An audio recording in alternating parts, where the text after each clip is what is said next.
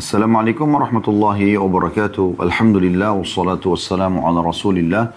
Segala puji dan puja kehadirat Allah Subhanahu wa taala juga salawat dan taslim kepada Nabi besar Muhammad sallallahu alaihi wa ala alihi wa sahbihi wasallam. Kita akan lanjutkan teman-teman sekalian pada siang ini semoga Allah Subhanahu wa taala berkahi hadis selanjutnya hadis nomor 536 yang berbunyi dari Ibnu Umar radhiyallahu anhu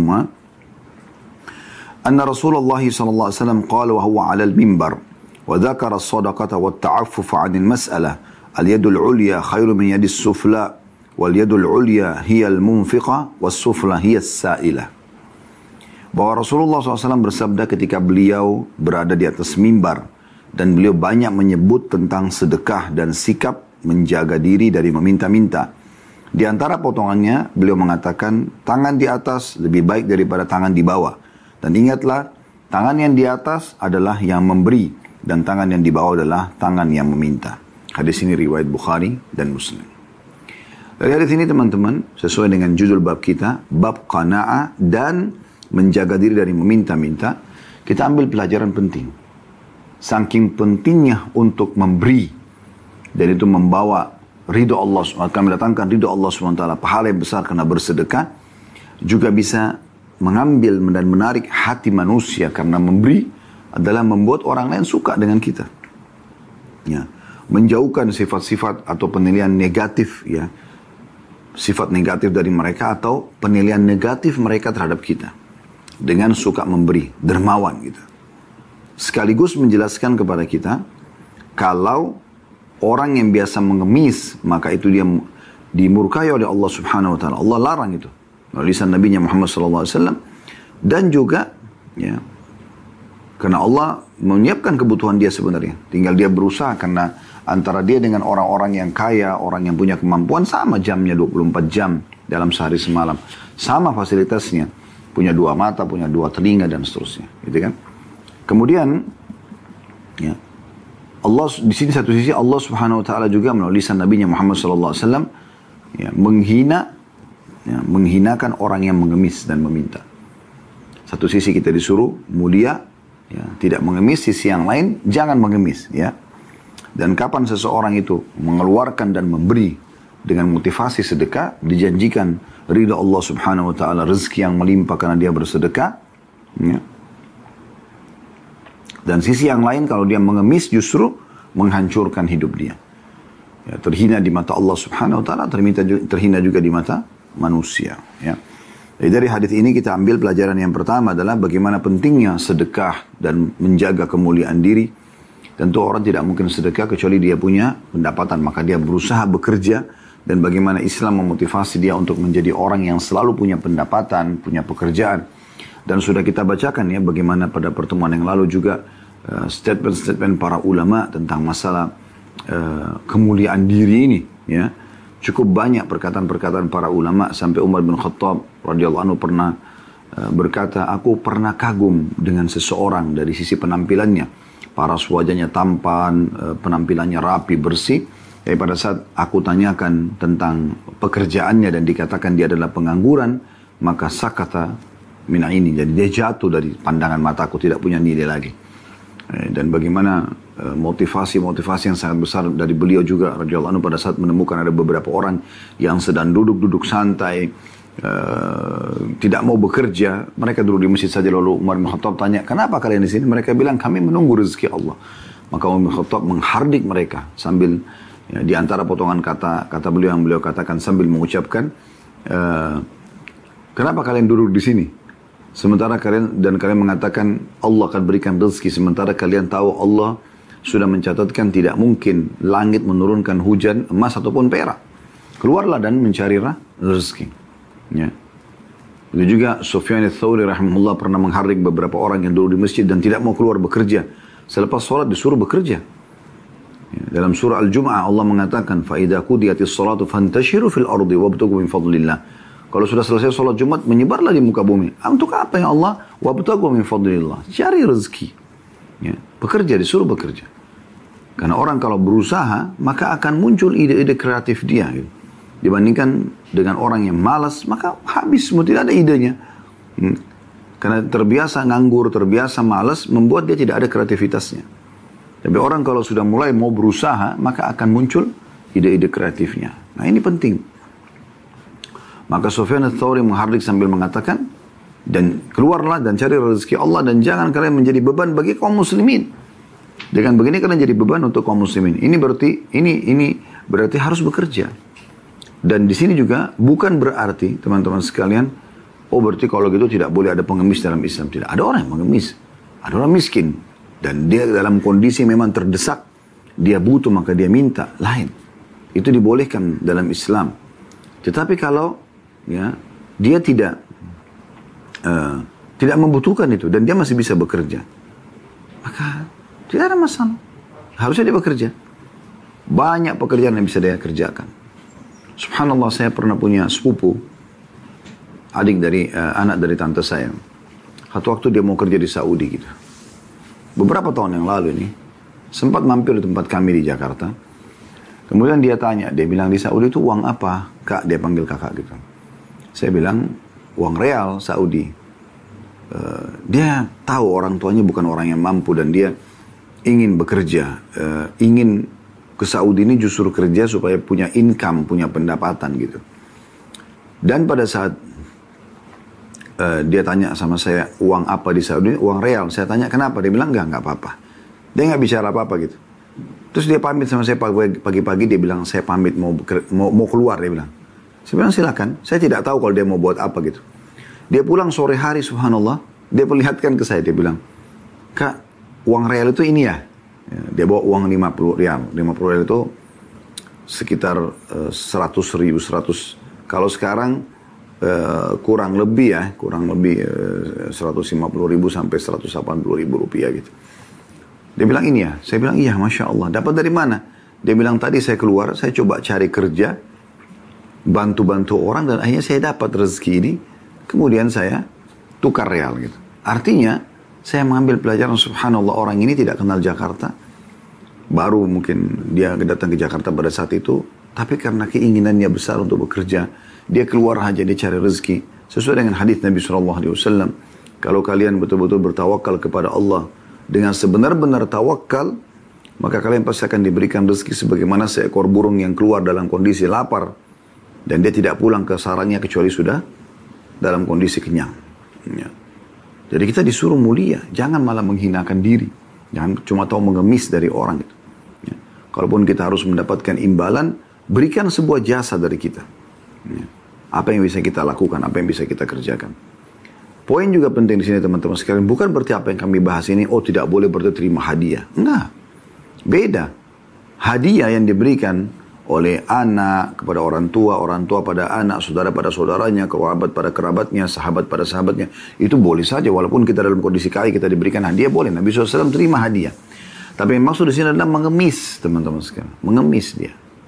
Nah, dia mengemis ya, dalam kondisi memang dia masih bisa bekerja, tapi dia malas atau tadi saya bilang di awal pertemuan kita seperti sebuah pola yang dia jadikan pola hidup dia ada orang begitu subhanallah, dia kaya, tapi dia begitu ketemu orang, tadi saya kasih contoh masuk ke dalam rumah orang, lihat sebuah kristal atau perhiasan, oh bagus ya, ini buat saya aja ya, langsung main ambil saja. Subhanallah. Ya. Apa yang kita tidak ingin diperlakukan pada diri kita, jangan perlakukan pada orang lain. Ya. Kata Nabi SAW, La yu'minu ahadukum hatta yuhibbu li akhihi ma yuhibbu nafsih. Tidak akan dianggap sempurna iman seseorang sampai dia mencintai untuk saudaranya apa yang dia cintai buat dirinya sendiri. Mau nggak anda? Uh, kalau ada tamu yang datang seperti itu. Datang lalu kemudian lihat apa yang bagus di rumah langsung main diminta dan diambil. Kan itu tidak baik ya. ya. Nah, kalau anda tidak suka maka orang lain pun tentu tidak suka. Nah ini poin yang harus di garis bawah. Kita ambil pelajaran pertama di sini adalah anjuran agar orang menjaga kemuliaan dirinya, ya, kemudian dia bersedekah, ya, itu jauh lebih baik dicintai Allah, dicintai juga oleh manusia. Dan sisi yang lain, pelajaran yang lain adalah atau mutiara yang kedua, ancaman bagi orang yang meminta-minta dan mengemis, ya, sementara dia punya kemampuan untuk mendatangkan income buat diri dia. Dia bukan seseorang yang stroke, orang yang buta matanya dan tidak bisa bekerja misalnya. Ya atau sakit parah, uh, kronis yang tidak memungkinkan dia untuk membayar rumah sakit misalnya. yang mengharuskan dia minta bantuan. Tidak ada semua itu, maka ini masuk dalam ancaman. Baik, kita masuk hadis selanjutnya hadis nomor 537 berbunyi dari Abu Hurairah radhiyallahu anhu Beliau berkata Rasulullah SAW bersabda man sa'alan nasa takathuran fa innama yas'alu jamran falistaqilla aw liyastakthir Barang siapa yang meminta kepada orang-orang untuk memperbanyak hartanya dia cuma tahu minta-minta supaya dia jadi kaya. Dia kumpul-kumpulin permintaan. Padahal dia sudah cukup, sudah mampu dia. Ya. Maka sungguhnya dia telah, dia sedang meminta bara api. Ada putun nomor 453 di bawah ya. Al-Qadi Iyad berkata artinya ia akan dihukum dengan neraka. Tetapi bisa jadi maksudnya adalah seperti yang nampak dari kalimat itu. Yaitu harta yang diambil akan berubah menjadi bara api yang akan disetrikakan kepadanya sebagaimana yang terjadi pada orang yang menolak membayar zakat. Ya. Saya ulangi terjemahannya, kata Nabi SAW, barang siapa yang meminta kepada orang-orang untuk memperbanyak hartanya, maka sungguhnya dia sedang meminta bara api. Maka silahkan dia menyedikitkan atau memperbanyak. Hadis riwayat muslim. Maksudnya, kalau ada orang, teman-teman sekalian, dia sudah merasa mengemis adalah cara yang paling gampang. Paling simpel. Ulurin tangan, dapat duit. Di pinggir jalan, ya. di SPBU, SPBU misalnya. Atau apalah ya. Eh, apa tempat-tempat orang, cuma tahu mengemis. Pikiran dia, dari 100 orang yang lewat, anggaplah 30 orang yang kasih dia. Satu orang kasih 10 ribu, dia udah bisa kumpulin 300 ribu misalnya. Udah, dia hidup dari situ. Ya. Jadi dia tidak usah kerja lagi. Ini banyak orang menjadikan itu sebagai profesi. Dan ini tidak boleh. Islam mengharamkan kita menjadikan minta-minta mengemis sebagai profesi. Tidak boleh. Hanya boleh di saat kita ya, harus apa boleh buat memintanya. Dalam kondisi kita sudah berapa hari nggak makan, anak-anak dan istri nggak makan, kita sudah coba melamar kerja sana sini nggak diterima. Apa boleh betul-betul lapar sekali, nggak bisa. Contoh, ya. Atau orang tadi sudah kita jelaskan kena penyakit kronis, dia nggak bisa bayar rumah sakit. Dari mana? Harus minta kepada orang. Contoh. Dan sebatas kebutuhan dia saja, dia tetap menjaga kemuliaan dirinya, maka itu dibolehkan. Tapi selain daripada ini tidak boleh. Ya. Ini adalah larangan yang sangat tegas. Dari hadis ini kita ambil pelajaran yang pertama teman-teman sekalian, larangan Nabi SAW untuk mengemis karena ingin memperbanyak harta, bukan karena darurat tadi. Ya. Maksud dalam masalah ini adalah kalau seseorang itu tadinya memang dia butuh dia minta-minta, tapi begitu dia uh, terpenuhi, dia merasa nyaman. Oh ini kayaknya minta-minta enak nih, gitu kan? Udah, sekarang minta-minta aja terus, ya, lanjutin aja. Karena ternyata dengan minta-minta saya mudah sekali ngumpulin duit. Nah ini masuk dalam ancaman, tidak boleh. Ya.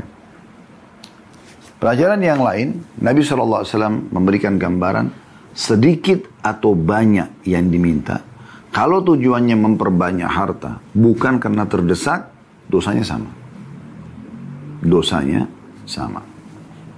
Hadis selanjutnya 538 dari Samura bin Jundub radhiyallahu anhu. Dia berkata, Rasulullah SAW bersabda, Innal mas'alata kaddu yakaddu yakuddu bihar rajul wajhah saya ulangi, innal mas'alata kaddun yakuddu biha rajul wajha.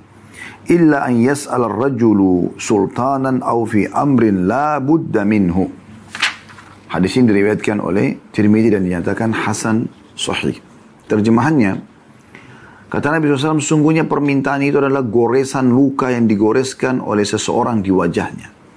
Kecuali apabila dia meminta kepada penguasa atau dalam perkara yang memang harus dilakukannya.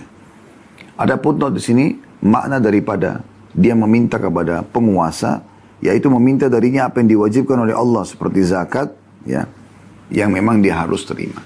Atau misalnya hak dia yang dia bisa minta.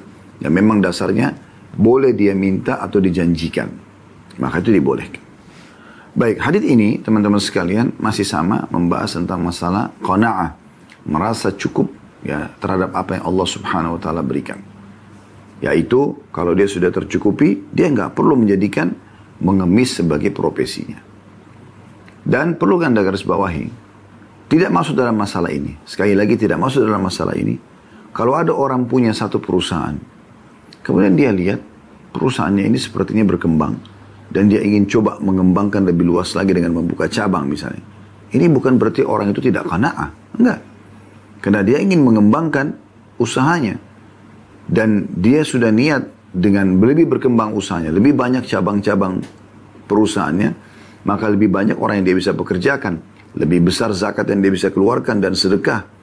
Maka ini boleh. Di sini dimaksud teman-teman sekalian adalah orang yang sebenarnya contoh begini, dia udah dapat makanan nih, satu piring untuk makan siang misalnya. Di siang hari ini seperti hari ini misalnya Anda makan. Cukup nih semua.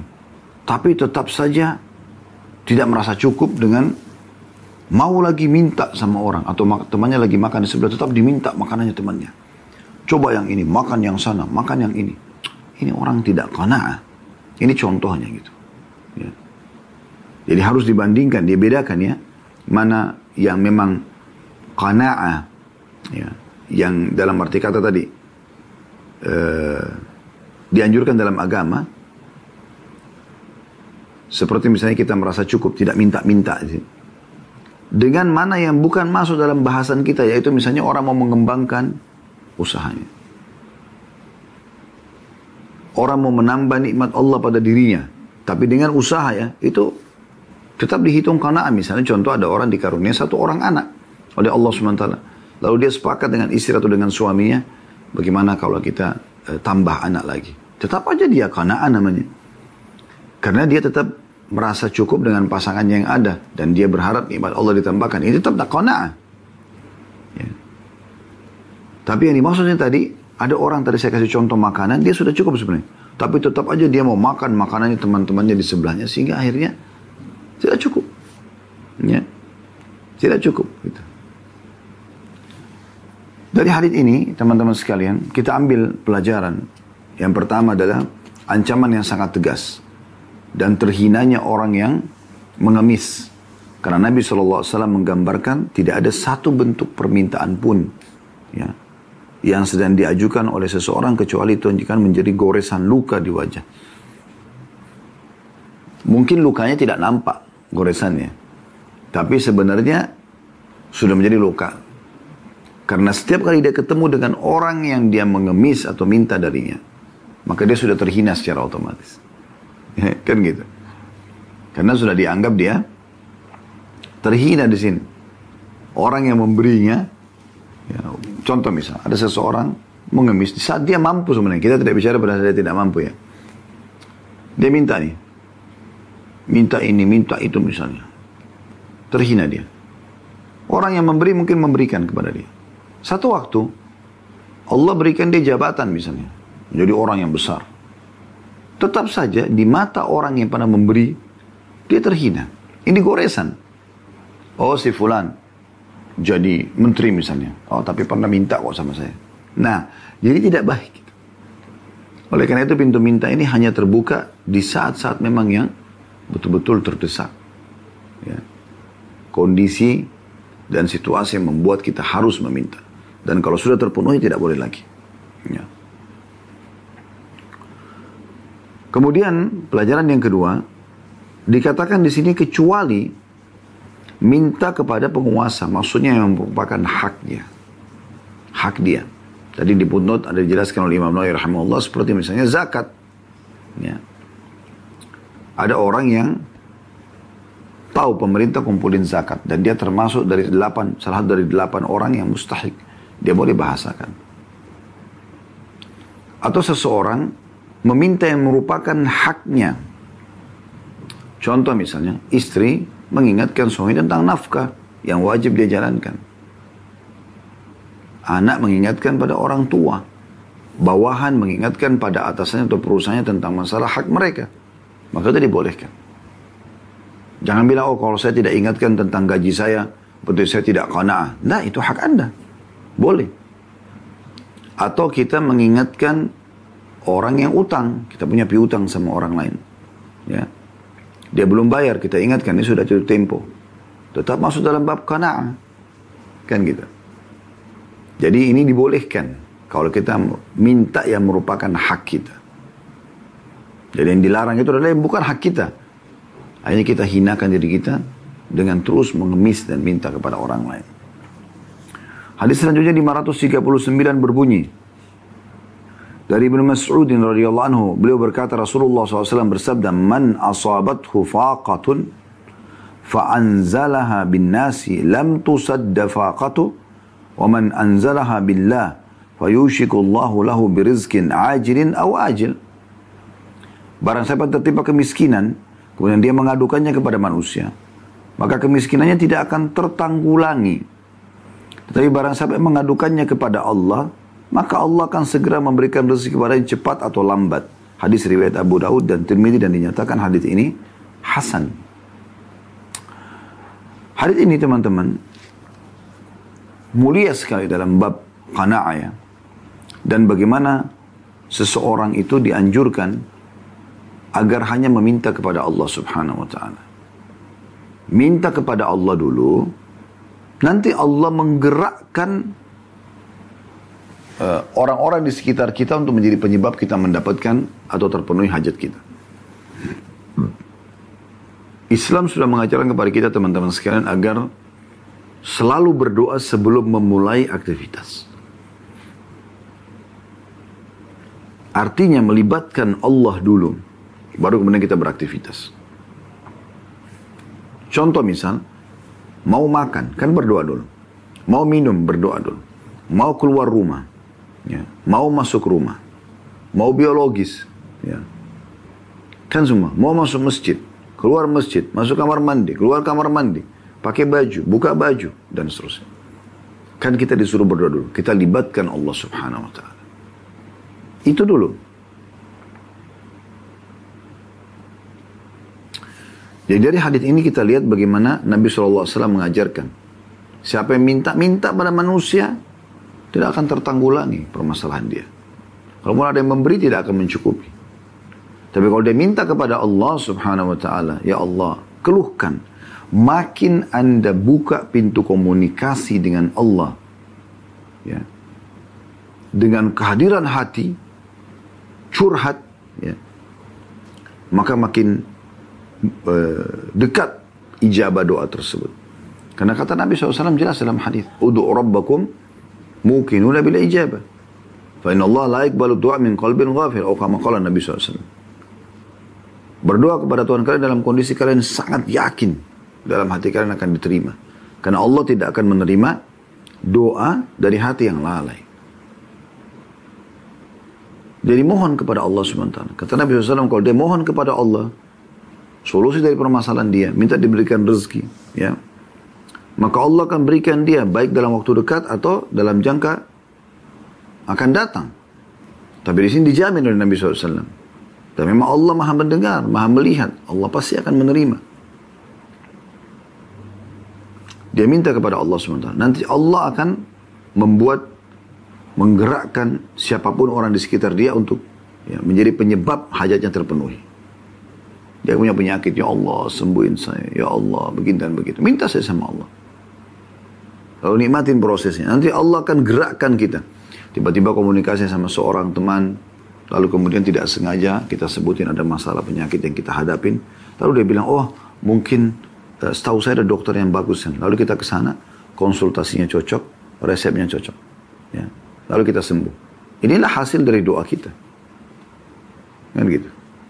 Ya Allah berikan saya rezeki. Tiba-tiba ada orang yang datang, bicara masalah proyek tertentu cara bisnis kah, cara tolong jualkan inilah, tolong jualkan itulah, tolong tawarkan ini.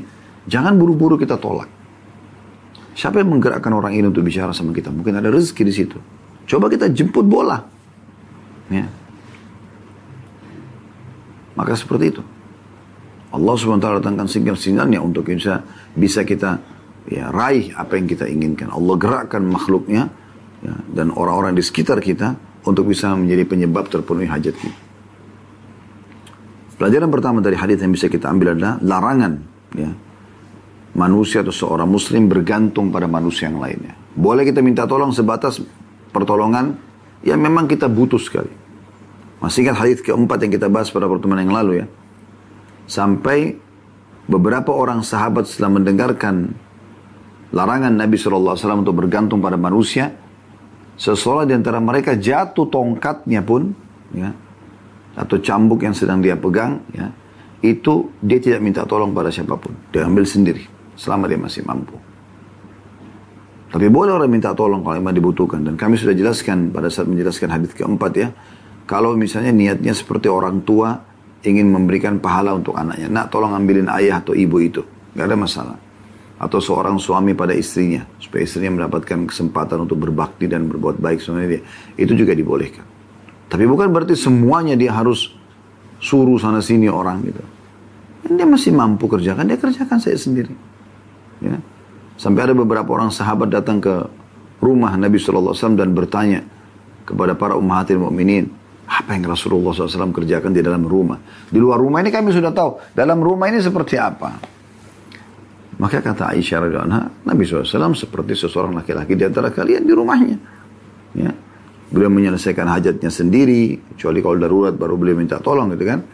Bahkan beliau kadang-kadang membantu keluar istrinya, ya apa yang perlu dibantu. Dan bahkan beliau pernah membetulkan sendalnya sendiri, Sallallahu Alaihi Wasallam. Jadi begitu sifat orang mukmin. Ini yang pertama. Yang kedua, anjuran agar mengembalikan kepada Allah Subhanahu wa taala semua perkara kita kecil ataupun besar dengan penuh keyakinan Allah akan ijabah. Cepat atau lambat. Karena dalam hadis ini dikatakan ajilan au ajil. Dalam waktu dekat Allah kasih atau masih butuh waktu, tapi Allah akan berikan. Karena Allah itu barur rahim. Allah itu selalu memenuhi apa yang uh, kita minta, ya, apa yang kita inginkan selama bukan maksiat kepadanya. Baik teman-teman sekalian, kita melanjutkan ke hadis nomor 540. Dan insya Allah pada kesempatan ini kita akan coba menyelesaikan bab qana'ah ini. Hadis nomor 540 ini berbunyi dari Thauban radhiyallahu anhu. Thauban ini adalah uh, uh, pembantu Nabi sallallahu alaihi wasallam ya. Beliau berkata, Qala Rasulullah sallallahu alaihi wasallam, "Man takaffala li alla yas'al an-nasa syai'a" wa atakaffalu lahu bil jannah. Fakultu ana fakana la yas'alu ahadan syai'a. Rasulullah SAW bersabda atau bertanya, Siapakah yang mau memberikan jaminan kepadaku bahwasanya dia tidak akan meminta atau mengemis sesuatu pun kepada sesama manusia. Sehingga dengan itu aku akan menjamin surga untuknya. Maka kata Thauban, radhiyallahu anhu ini pembantu Nabi SAW, saya ya Rasulullah. Maka Sejak itu pun Thauban tidak pernah meminta sesuatu pun kepada orang lain. Hadis ini diriwayatkan Abu Daud dengan sanad yang sahih. Hadis ini kembali lagi memberikan pelajaran penting kepada kita tentang bagaimana Nabi SAW selalu memotivasi umatnya agar bekerja, produktif, kreatif. Ayo bergerak. Taharrak dalam pepatah bahasa dia katakan taharrak fa inna fi harakati barakah. Bergerak, beraktivitas, kreatif. Karena pada pada hal semua itu ada keberkahan. Ada keberkahan. Dan kita dilarang vakum, nganggur, ya, putus asa. Ini semua kita disuruh jauhi. Maka perlu digarisbawahi teman-teman sekalian, kalau dalam Islam sangat dianjurkan kita untuk menjadi orang yang maju, sukses.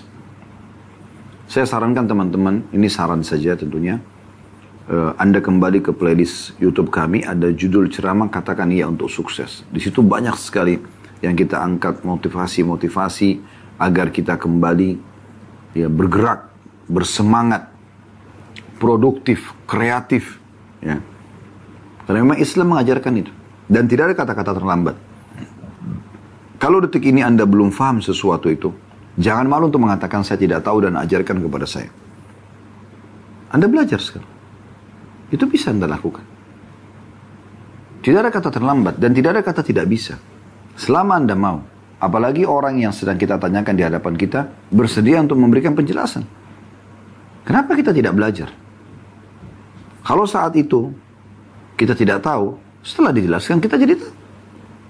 Kalau tidak 100% kita memahaminya, minimal 50% kita memahami. Minimal kita punya gambaran umumnya. Masalah kita tertarik untuk melanjutkan pelajari atau tidak, ya sudah yang penting kita sudah punya gambaran. Bukan berarti tidak ada sama sekali informasi yang kita miliki. Jadi tidak ada kata terlambat. Di saat kita tidak tahu, jangan malu di detik itu untuk belajar. Dan di saat waktu kita sekarang ini teman-teman sekalian, luar biasa. Allah mudahkan dengan adanya Google misalnya. Apa saja kita ketik, semuanya bisa kita dapatkan informasinya. Kita bisa tahu. ya Kita bisa belajar. Di Youtube kita tinggal mau dengar cuplikannya. Cukup banyak, tinggal kita ketik apa pun kosakata yang kita inginkan. Allah SWT memudahkan. Tentu kita berharap di sini semuanya yang baik-baik yang tidak melanggar agama ya. Karena di sana kan juga ada hal-hal negatif. Kalau Anda mau cari hal-hal yang bermaksiat bisa juga. Tapi Anda yang kita sarankan sini adalah lari menuju kepada hal-hal yang positif.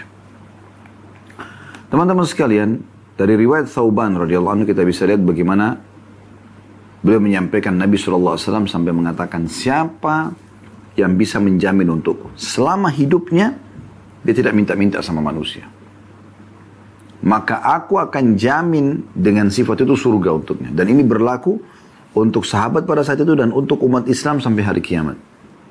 Bukan hanya untuk Thauban radhiyallahu anhu, tapi untuk kita semua juga bisa. Maka langsung Thauban mengatakan saya Rasulullah. Dan semenjak itu beliau tidak pernah lagi meminta-minta pada orang. Dan ini jelas sekali pelajaran yang bisa kita ambil bagaimana Islam memotivasi kita tadi untuk menjadi orang yang produktif, kreatif, ya, memberi, ya, berbagi, bukan orang yang justru mengemis. Hadis selanjutnya 541 dari Abu Bishr Qabisa bin al-Mukhar bin bin al-Mukhariq radhiyallahu anhum beliau berkata tahammaltu hamalatan fa'ataitu Rasulullah sallallahu alaihi wasallam as'aluhu fiha فقال أكم حتى تأتينا الصدقة فنأمر لك بها. ثم قال يا قبيصة إن المسألة لا تحل إلا لأحد ثلاثة. رجل تحمل حمالة فحلت له المسألة حتى يصيبها ثم يمسك ورجل أصابته جائحة. احتاج احتاج, احتاج ما ورجل أصابته جائحة اجتاحت ماله فحلت له المسألة حتى يصيب قياما من عيش أو قال سدادا من عيش ورجل أصابته فاقة حتى يقول ثلاثة من ذوي الحجى من قومه لقد أصابت فلانا فاقة.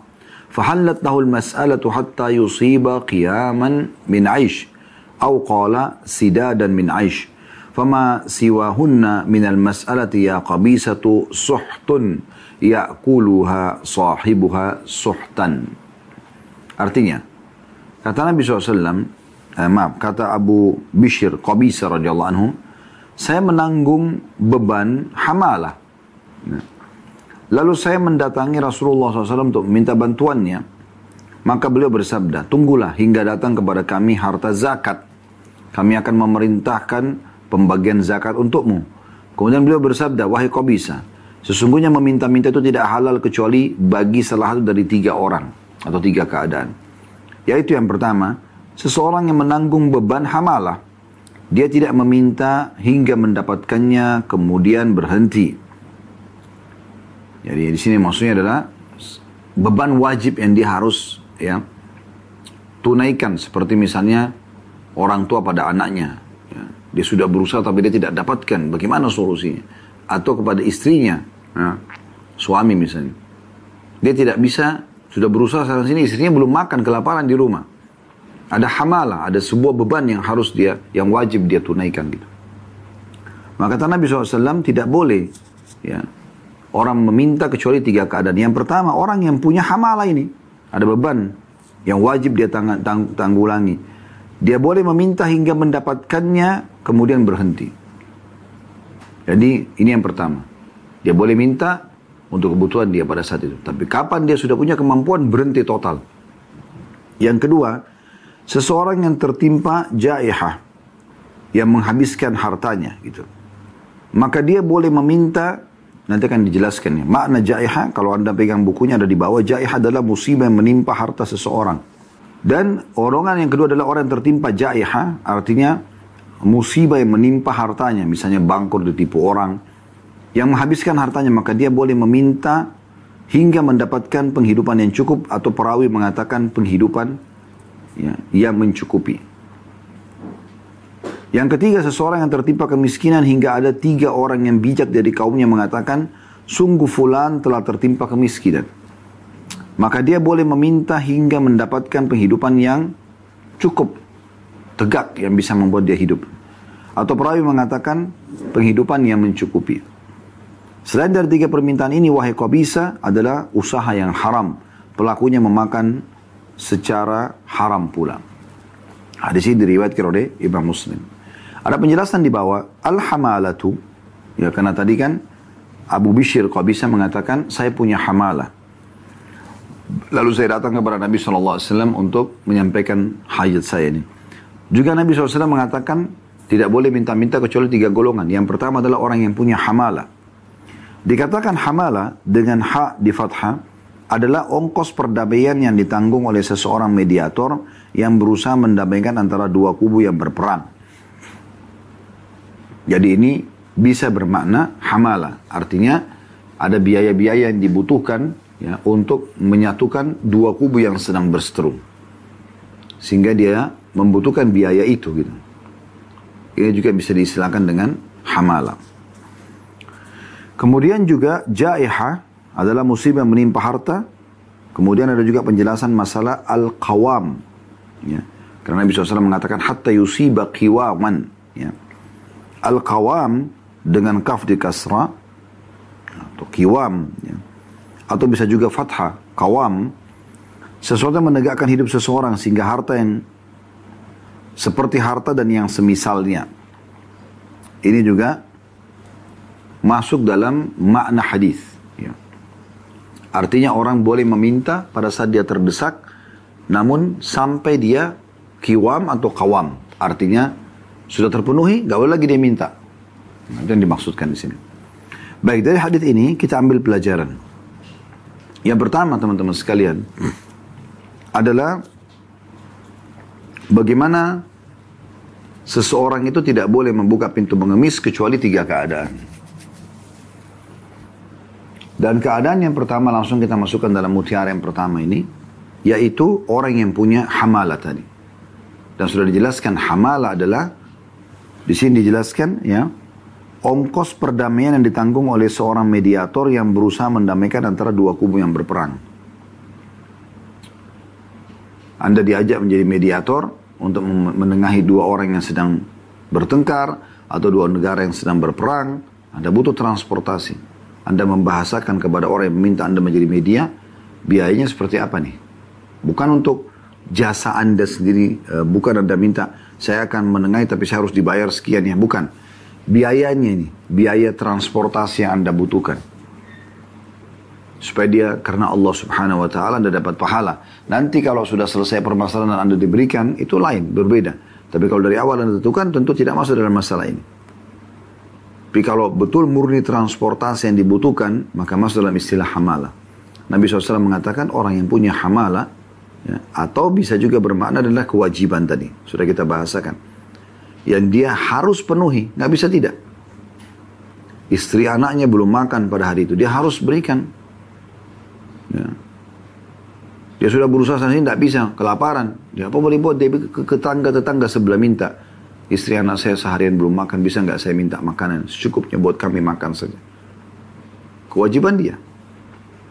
Maka ini golongan pertama yang dibolehkan untuk dia meminta. Tapi ingat, ada istilah kiwam atau kawam tadi.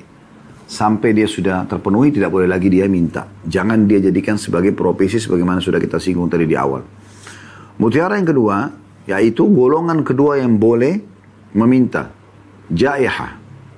Orang yang menanggung beban hartanya sendiri. Maksudnya adalah hartanya tertipu tadi sudah kita berikan gambaran. Dia terlilit utang, bangkrut usahanya. Gitu kan dirampok misalnya. Ya, ada seseorang bawa dagangannya nih dari Bandung ke Jakarta.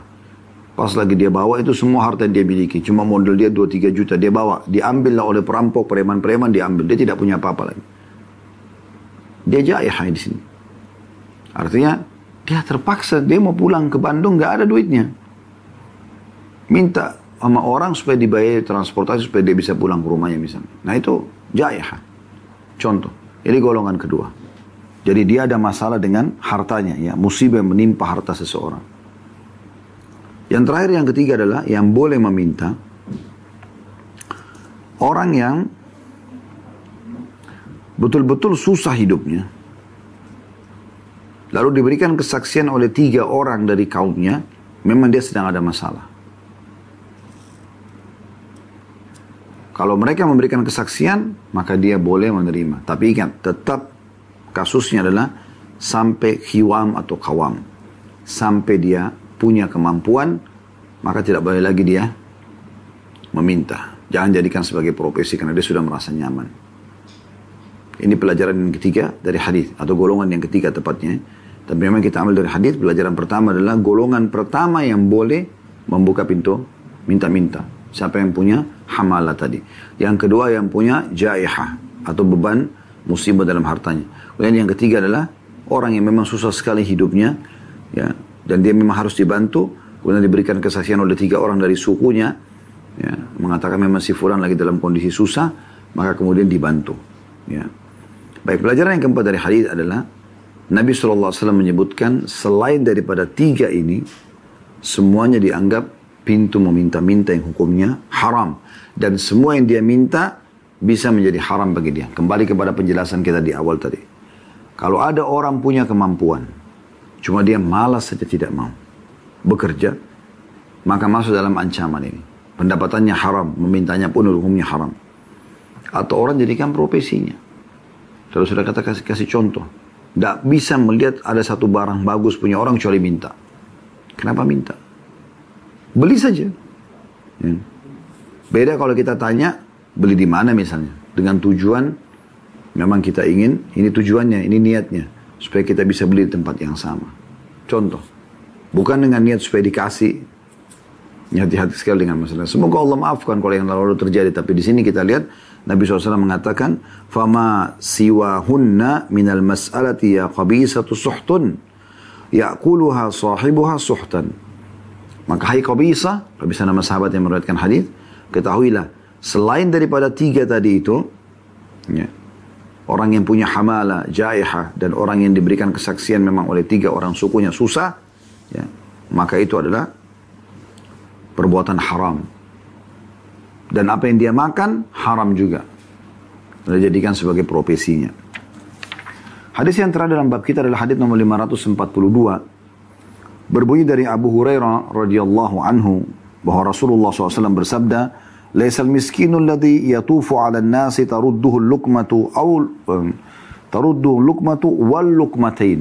Bukan أو يتبع tapi wow di sini. Saya ulangi. laisal miskinu alladhi yatufu 'ala an-nasi والتمرة والتمرتان. ولكن المسكين الذي لا يجد غنى يغنيه ولا يفتن له فيتصدق عليه. ولا يقوم فيسأل الناس. Hadis ini riwayat Bukhari Muslim. Artinya orang miskin itu bukan orang yang keliling-keliling minta-minta kepada orang-orang. Kemudian kembali pulang membawa satu suap atau dua suap. Sebutir kurma atau dua butir kurma. Akan tetapi orang yang miskin yang sebenarnya adalah yang tidak mendapatkan kecukupan yang mencukupinya. Dan tidak diketahui oleh orang lain sehingga dia diberi sedekah serta dia tidak mau berdiri meminta-minta kepada orang lain. Jadi Nabi SAW di sini dalam hadis memberikan definisi miskin. Cara kita tahu orang itu miskin atau tidak. Ini setiap yayasan-yayasan juga harusnya yang bergerak di sosial menyadari masalah ini. Banyak di antara kita menunggu orang datang minta. Ini nggak salah. Karena dia punya hajat dia sampaikan. Bapak orang sahabat yang miskin datang meminta kepada Nabi SAW. Tapi ada poin yang penting dalam pesan hadis ini. Yaitu, kata Nabi SAW, orang miskin yang sebenarnya, yang kalian mau cari pahala yang besar, bersedekah pada orang miskin, bukan orang yang datang minta-minta keliling ngumpul-ngumpulin sedekah sana sini. Tapi orang yang justru memang tidak punya kecukupan, tapi nggak mau minta justru. Artinya, keluar jemput bola, cari orang-orang itu. Dan ingat teman-teman sekalian, beda pahalanya. Antara Anda bersedekah, di saat orang minta, ada orang miskin datang minta Anda kasih, Anda bersedekah. Itu pahalanya beda dengan orang yang sengaja keluar mencari orang miskin dan dia beri. Yang kedua lebih besar pahalanya. Dia memang keluar. Makanya kata Nabi SAW, As-sa'i alal armalati wal masakin. Atau wal miskin. Kalau mujahid bisabilillah. As-sa'i artinya orang yang keluar berjalan. Mencari terhadap orang-orang miskin dan uh, para janda-janda. Maka dia seperti mujahid di jalan Allah. Dan memang sengaja dia mencari tahu. Di mana kantong-kantong mereka nih. Di mana tempat-tempat mereka. Karena ada di antara mereka yang sangat mulia. Udah susah hidupnya masih jual gorengan cuma dengan berapa potong gitu. Yang saya heran kadang-kadang ada sebagian ikhwah kita dan akhwat kita. Orang ini sudah susah. Jual gorengan berapa dia untung gitu. Masih nawar pak. Bisa nggak tambahin satu bonusnya. Subhanallah. Mestinya kalau perlu ya. Harga yang kita harus bayar 10 ribu rupiah. Karena satu gorengan seribu rupiah. Saya pernah beli di pinggir jalan. Seribu rupiah saya berpikir. Berapa untungnya orang ini belum uh, tepungnya, belum garamnya, belum uh, minyak yang dia butuhkan, belum tenaganya. Dia dorong dari rumahnya ke pinggir jalan jauh sebenarnya. Seribu rupiah dijual gitu. Kemudian kita beli sepuluh, sepuluh ribu rupiah. Karena ada orang tidak punya harga diri. Pak bonus satu lagi, orang ini susah, anda mampu, kenapa harus begitu? Harusnya bayar seratus ribu, nggak usah kembalian pak. Beri kepada dia. Anda cuma butuh 10, ambil 10. Tapi 90 ribunya, Anda sedekahkan buat dia. Itu yang harus kita lakukan. Karena orang-orang ini sebenarnya orang-orang miskin. Mereka tidak mampu. Mereka cuma tidak mau minta-minta. Mereka mau bekerja. Mulia. Saya kadang-kadang temukan, mungkin teman-teman juga pernah temukan. Ada orang sudah sangat tua, bahkan kadang-kadang buta. Jual kerupuk, jual gorengan. Ada yang jual mungkin hasil tangannya, ya yang dia buat sendiri sudah sangat tua. Kenapa anda tidak beli dari mereka dan jangan tawar, lebihkan saudaraku. Nanti ada bab sendiri kita akan pelajari insya Allah ke depannya itu bab tentang kemuliaan menjadi orang yang dermawan. Itu nanti ada di bab nomor 60 ya. Kita sekarang masih ada di bab nomor 57. Ada nanti kemuliaan orang dermawan. Dan itu memang jiwanya dan sifatnya orang-orang beriman. Ini harus kita fahami. Hmm? Baik, kita akan tutup teman-teman sekalian dengan pelajaran daripada hadis ya. Yang pertama adalah definisi miskin di mata Nabi Shallallahu Alaihi Wasallam, yaitu orang yang tidak punya kecukupan, tapi mereka mau bekerja. Mereka tidak mengemis pada orang. Ini orang-orang yang miskin yang sebenarnya. Tukang-tukang sapu jalanan, pengumpul sampah. Ya. Kelihatan, oh kelihatan miskinnya gitu dari pakaiannya, penampilannya kelihatan. Kadang-kadang ada orang subhanallah masih negosiasi sama syaitan. Mengatakan, ah kayaknya dia pura-pura. Subhanallah, tugas kita bantu, bukan tugas kita menilai orang. Beri saja anda mulia. Ya. Itu yang dikabarkan Nabi SAW. Orang miskin bukan yang keliling-keliling mencari sesuap dan dua suap makanan. Sebutir dan dua butir kurma. Tapi orang yang justru tidak cukup tapi mereka tidak meminta sama orang. Cari orang-orang itu. Pelajaran yang kedua dari hadis adalah afdaliyah dan lebih afdal orang kalau bersedekah dengan keluar mencari. Bukan justru menunggu orang yang meminta. Walaupun orang yang datang minta kita berikan gitu kan. Tapi kita keluar mencari orang yang butuh. Ya, apalagi anda bisa ketahui misalnya, oh ternyata orang ini tinggal di sini, alamatnya di sini, ya, ada kondisinya seperti ini. Lalu Anda rutinkan bantuan Anda setiap bulan kepada dia. Anda punya kantong-kantong rumah-rumah satu keluarga yang siap mendoakan Anda di sepertiga malam. Ya, yang selalu Anda panen pahala pada saat mereka berdiri sholat karena Anda yang memberikan dia makanan, minuman, pakaian, sejadah, rumahnya Anda perbaikin. Itu yang kita kejar. Ya. Anda bisa memperbaiki anak jalanan aja. Kami punya program, insya Allah mudah-mudahan Allah mudahkan ya. Saya bilang sama teman-teman yayasan, mulai sekarang nyebar, kemudian coba ke lampu-lampu merah. Kita mulai dari wilayah-wilayah terdekat aja dengan kantor. Tanya anak-anak pinggir jalan yang biasa ngamen, nyanyi-nyanyi. Siapa dia, tinggal di mana, cari tahu tentang orang tuanya. Kalau kita sudah tahu rumahnya, lihat kondisinya. Kalau rumahnya butuh bantuan, coba yayasan akan terjun di sana. Kita akan coba angkat di medsos kita. Nih, ada orang yang seperti ini. Silakan kalau mau partisipasi bersama kami. Kita perbaikin rumahnya, kita perbaikin ekonominya, kita mudahkan untuk berobatnya kalau dia sakit. Anaknya kita masukkan ke pesantren sekolah, kan jadi bagus. Gitu. Sekarang bantu program pemerintah ini. Pementasan kemiskinan juga di situ. Kalau setiap orang dari kita pegang satu orang saja orang miskin, Masya Allah. Luar biasa. Bagaimana kalau orang pegang 10 orang, 20 orang. Nah, ini jauh lebih baik. Dan depan mata kita orang miskin itu banyak. Banyak sekali. Di pinggir jalan, Anda lihat orang dorong gerobak. Susah kadang-kadang gerobak seorang bapak sudah tua tarik gerobak. Di gerobaknya ada anaknya diangkat dua tiga orang. Pernah saya temukan bahwa istrinya jalan di belakang, gak pakai sendal. Ibu itu sudah tidak peduli lagi. Banyak perempuan peduli dengan kecantikannya, kulitnya yang mulus, salon. Ini subhanallah, yang penting dia bisa temani suaminya dan bawa anak-anaknya. Jalan tidak pakai sendal. Itu pun lula lalang motor, mobil gak ada yang bantu akhi dan ukhti. Apakah hati anda sampai sekeras itu? Berhenti kasih ke mereka. Keluarkan 100 ribu, 1 juta rupiah kasih ke mereka. Atau cari tahu alamatnya di mana. Kemudian coba ya bantu mereka jadikan itu sebagai kantong-kantong amal soleh kita. Berikan mereka pendidikan agama. Buku-buku agama, sekolahkan anak mereka, perbaiki rumah mereka. Berikan mereka pakaian, makanan. Anda akan panen pahala mereka. Kenapa kita biarkan semua ini terjadi? Lewat mobil kita orang miskin, ya sudahlah miskin.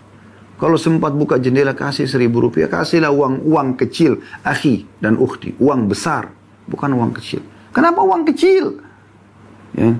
Dua ribu rupiah, lima ribu rupiah lalu minta sama Allah kesehatan, keturunan, panjang umur, selamat masuk surga, eh, eh, selamat dari neraka.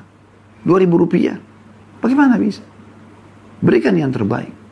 Dan itu adalah sumber pahala yang besar, juga sumber rezeki yang baik. Fahami ini teman-teman sekalian. Baik, kita tutup teman-teman sekalian. Bab ini sudah selesai. Namun ada satu bab, bab 58, ini sejalan dengan bahasan kita. Sejalan dengan bahasan kita. Dan ada cuma sebuah hadis di sini yaitu bab 58 bab boleh menerima tanpa meminta dan mengharapkan. Jadi sejalan. Nah, di sini boleh kita terima tapi hadiah bukan kita minta. Walaupun kita orang kaya. Ada kerabat, ada teman memberikan kita hadiah memberikan kita ibu yang bisa diberikan rice cooker sama temannya atau diberikan karpet atau pakaian tidak ada masalah. Tapi bukan kita minta kita diberi. Hadisnya nomor 543 dari awal belajar berbunyi dari Salim bin Abdullah bin Umar radhiyallahu anhu majma'in dari bapaknya Abdullah bin Umar dari Umar radhiyallahu anhu majma'in ya. Beliau berkata ini Salim anaknya Abdullah ibn Umar. Abdullah sahabat. Umar sahabat ya. Jadi ini cucu meriwayatkan dari ayahnya, dari kakeknya gitu.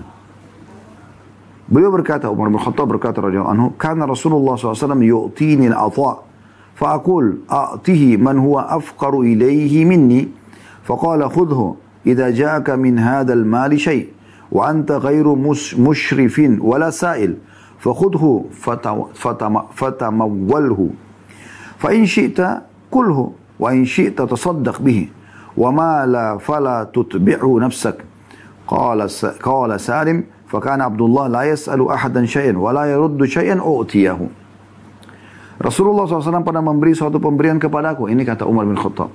Nabi sendiri, anak mantunya pernah kasih. Sekaligus sahabatnya. Nabi SAW pernah memberi kepada Umar bin Khattab. Rasulullah SAW pernah memberi suatu pemberian kepadaku. Lalu aku berkata, berikanlah kepada orang yang lebih membutuhkan dari aku. Maka Nabi SAW bersabda, ambillah apabila sesuatu dari harta seperti ini datang kepadamu, pemberian langsung. Sedangkan kamu tidak mengharapkannya dan tidak meminta. Bukan kau mengemis, orang kasih aja. Tetangga kirimin makanan, teman beliin uh, pakaian, jam tangan, kendaraan, apa saja, rumah. Ya. Ambillah kata Nabi SAW, apabila sesuatu dari harta itu datang kepadamu, sedangkan kamu tidak mengharapkannya dan tidak meminta, maka terimalah dan jadikanlah sebagai hartamu. Kalau kau mau, makan dan nikmati. Kalau itu makanan, makan. Kalau itu harta yang lain, nikmati. Ya. Tapi kalau kau mau, sedekahkan, silakan sedekahkan. Yang penting terima aja dulu. Dan apa yang tidak datang, maka jangan kamu melelahkan darinya. Maksudnya jangan sampai, ya, kalau ada yang tidak datang lalu kamu kecewa, lalu minta sama orang enggak. Kalau kau tidak minta-minta, terima saja. Maka Salim, cucunya Umar bin Khattab, seorang tabi'in masyhur rahimahullah berkata, maka Abdullah ayahku tidak pernah meminta apa pun dari siapa pun dan tidak pernah juga menolak sesuatu pun yang diberikan kepadanya. Hadis ini diriwayatkan oleh Bukhari dan Muslim. Nah hadis ini teman-teman sekalian mulia sekali. Ini betul-betul pantas untuk kita jadikan sebagai closing dari bahasan kita, penutupan, gitu kan? Bagaimana hadis ini menjelaskan kepada kita contoh dari Nabi SAW secara langsung kepada sahabatnya Umar bin Khattab dan sekaligus mertuanya. Beliau pernah memberikan kepada Umar bin Khattab sesuatu. Lalu dalam hadis ini tidak disebutkan apa yang sedang diberikan. Maka Umar dia, dia tidak punya hajat. Dia mengatakan, ya Rasulullah, kasih orang yang lebih butuh daripada aku. Kata Nabi SAW, kalau datang kepadamu pemberian seperti ini, tanpa kau mengharapkannya, tanpa juga kau memintanya, maka terima saja. Boleh, ya, jadikan sebagai bagian daripada hartamu kalau itu bagian daripada harta. Kalau makanan, makanlah. Kalau kau mau sedekahkan, sedekahkan. Tapi yang tidak datang, tidak usah kau lelah-lelah untuk mencarinya atau mengemisnya. Nah, tolong Salim, perawi hadis ini, cucu Umar Khattab mengatakan, ayahku Abdullah, setelah mendengar itu dari ayahnya Umar, maka tidak pernah mengemis pada orang lain. Tapi juga tidak pernah menolak kalau ada yang memberi tanpa minta. Nah ini poin pentingnya. Dari hadis ini kita ambil pelajaran pertama, ya, bagaimana pentingnya ilmu itu diturun temurunkan. Umar bin Khattab menyampaikan ke, eh, memperdengarkan kepadanya Abdullah, Abdullah menyampaikan kepada anaknya lagi Salim. Maka ini penting untuk saling mewarisi ilmu agama. Pelajaran yang kedua, bagaimana Nabi SAW memberikan pelajaran penting kepada Umar bin Khattab dan sekaligus pelajaran untuk kita semua. Yaitu beliau memberikan kepada Umar, ya, sementara Umar merasa punya kemampuan. Dan Umar menolak, Umar berharap diberikan kepada orang lebih miskin. Tapi Nabi SAW mengatakan, kalau datang kepadamu ambil saja. Berarti di sini boleh ya seseorang muslim memberikan kepada orang. Kita sedekah kepada orang. Mampu atau tidak mampu orang itu boleh kita berikan. Ya. Dari hal yang kecil sampai hal yang besar. Juga orang yang diberikan hadiah boleh menerimanya. Dan yang ketiga, larangan untuk mengemis. Tidak boleh mengemis, kecuali tadi sudah kita sebutkan di hadis sebelumnya, tiga keadaan. Orang yang punya hamalah tadi, ya, dia sebagai mediator untuk memperbaiki hubungan dua uh, yang sedang ribut, dua orang ke dua negara yang sedang berperang, atau orang yang ya, punya jaihah, punya musibah dalam hartanya, bangkrut, ditipu orang, dan dia sekarang tidak bisa lagi membayar utangnya, tidak bisa lagi hidup kecuali harus minta tolong, sampai dia punya kiwam atau kawam, kemampuan, dan yang ketiga adalah orang yang tidak mampu lagi untuk menghidupi hidupnya sendiri, tidak bisa. Udah nggak mampu, susah sekali. Bila diberikan kesaksian oleh tiga orang dari sukunya, kalau dia susah, maka dia boleh dibantu, dikeroyokin lah tanda kutip sini ya, diberikan bantuan rame-rame, ya, kemudian ya uh, apa namanya dia nikmati itu sampai dia juga diberikan kawam atau kiwam. Itu kemampuan ya. Setelah itu dia tidak akan minta-minta lagi. Dan insya Allah dengan ini kita tutup pertemuan kita dan kita akan buka pertanyaan. Kita akan masuk pertemuan akan datang di bab 59 masalah anjuran makan dari hasil usaha sendiri menjaga diri dari meminta-minta dan juga memperlihatkan diri agar diberi jadi tidak boleh minta-minta dan uh, agar diberi. Tapi di sini kita akan lebih fokus ke potongan awal hadis atau bab ini, bab anjuran makan dari hasil usaha sendiri. Maksudnya, ayo bergerak, bekerja, kreatif, kreatif ya. Ini akan kita bahas pada pertemuan akan datang insya Allah.